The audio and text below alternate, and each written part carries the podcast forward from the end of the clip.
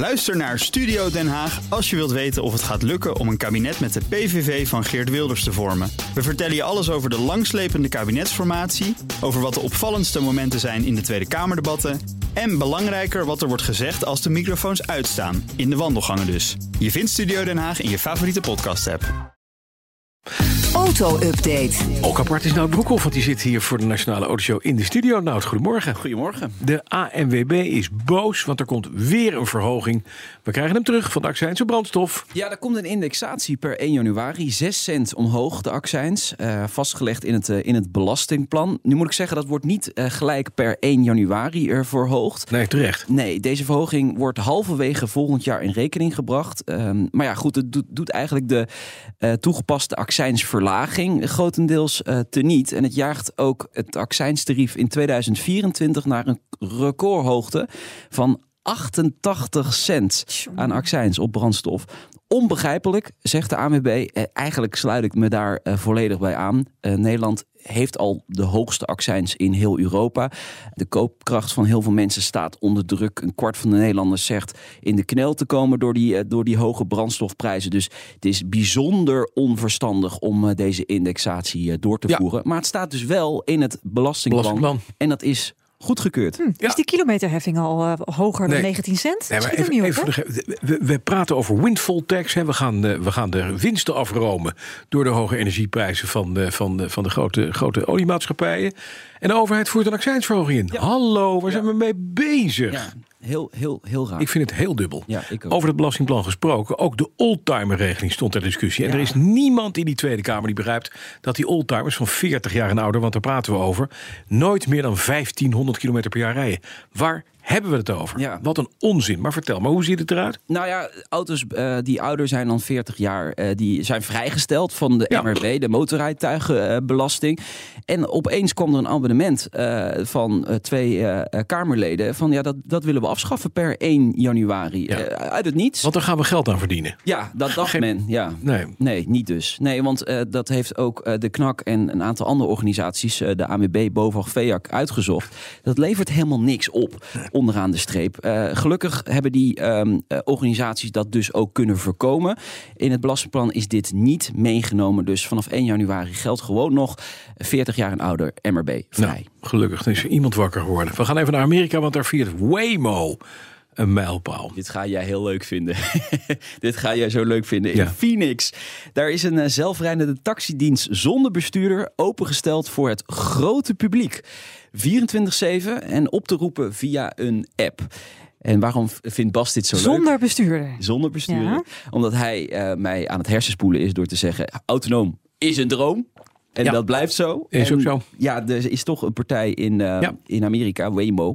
gelieerd natuurlijk aan, aan Google, het, eh, het, het moederbedrijf Hey, Alphabet natuurlijk. Even eerlijk zijn, want wat, de, hoe rijden die taxis? Waar rijden die taxis van Waymo? Ja, in een, in een afgesloten Ja. ja. Kijk eens. centrum. En, Ja. eh, Ja, maar je moet ergens getest. beginnen, Bas. Je moet Ja. ergens beginnen. Nee, maar het gaat, het gaat nooit wat worden. Deze week hebben ook grotere concerns als Volkswagen en zo afscheid, officieel afscheid genomen van autonoom rijden. Ja. Want autonoom is een droom. Wij wisten dat bij petrolheads al jaar of acht. Nu begint het langzaam door te dringen. Toch zegt Wemo dat het een hele belangrijke stap is. Want zij zeggen, die robotaxi service die willen we verder gaan uitrollen in Amerika. Als we dat niet doen, dan gaan we gewoon dood. En dan is het, is het helemaal niks meer. Dus we moeten verder gaan. Ja. Dus ze gaan ook dit proberen in San Francisco en in Los Angeles. Nou, Veel succes. Zo, ik zou zeggen.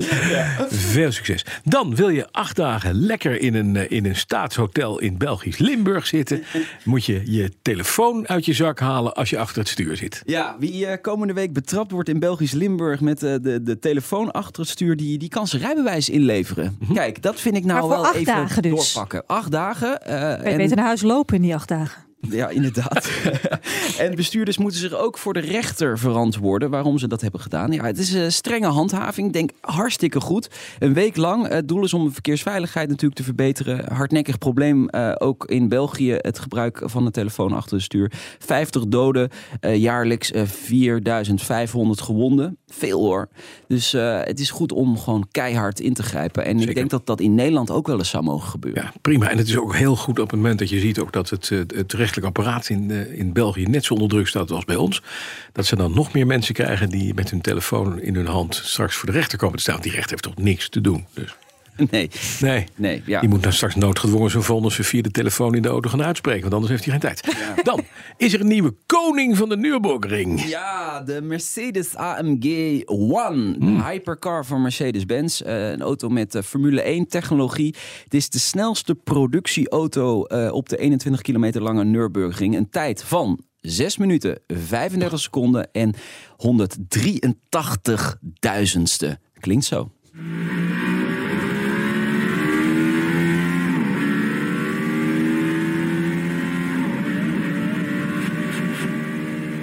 Het gaat echt ongelooflijk snel. Zeker Wat is de topsnelheid geweest? Ja, zo'n ding haalt makkelijk Dik 300. 300. Ja, ja, ja. Hij is 8 seconden sneller dan de Porsche 911 GT2 Ja, en dat doet pijn bij Porsche. Dat doet pijn. doet pijn. En dan doet het nog meer pijn, want Ja? Mercedes zegt het had nog sneller gekund. Want de baanomstandigheden Ja. waren niet ideaal in een paar bochten. En de chauffeur moest plassen. En, ja, ja, precies. Ja, en, hij- en de chau- chauffeur moest ook het DRS-systeem de hele tijd eh, open en dicht doen. Dus hij had ook nog die tijd nodig. Dus eh, ja, er komt vast nog eh, volgend jaar of zo weer een, een poging om het nog sneller te doen. Ik denk dat meneer Porsche nu zit daar tanden knarsen. zegt niemand gaat naar huis. Ja. Je gaat 40 uur op kantoor werken, net als Elon Musk. Gewoon om te zorgen dat wij dit record gaan terugpakken. Ik zie eh, 338 km per uur op het rechte stuk gehaald, die Mercedes. Ongelooflijk. Te gek. Dat is nog lang niet zo hard als een Bugatti. Maar ja, oké. Nee. Vanmiddag in de autoshow. Vanmiddag hebben we de, de directeur van eh, Volvo eh, te gast. Eh, deze week is de elektrische opvolger van de XC90 onthuld. XC90, een ontzettend belangrijk model voor Volvo. Het vlaggenschip eigenlijk van het merk. En het luidt eigenlijk ook weer een nieuw tijdperk in met andere modellen die er ook zitten aan te komen. Ze hebben al deze week laten zien dat ze ook een kleinere SUV elektrisch gaan brengen. Dus vanaf nu, ieder jaar, komt er een, een nieuw elektrisch model bij het merk. En we hebben Ramon Dost te gast. Dat is een, een jongen die heeft jarenlang in de Formule 1 gewerkt. En die is nu voor zichzelf begonnen. Heeft een tuningsbedrijf opgezet. En die, eh, die timmert zo aan de weg. Hartstikke leuk verhaal. Vanmiddag in de Autoshow. Mooi zo, dankjewel. Nou, het boek of vanmiddag dus om drie uur die nieuwe aflevering van de Autoshow.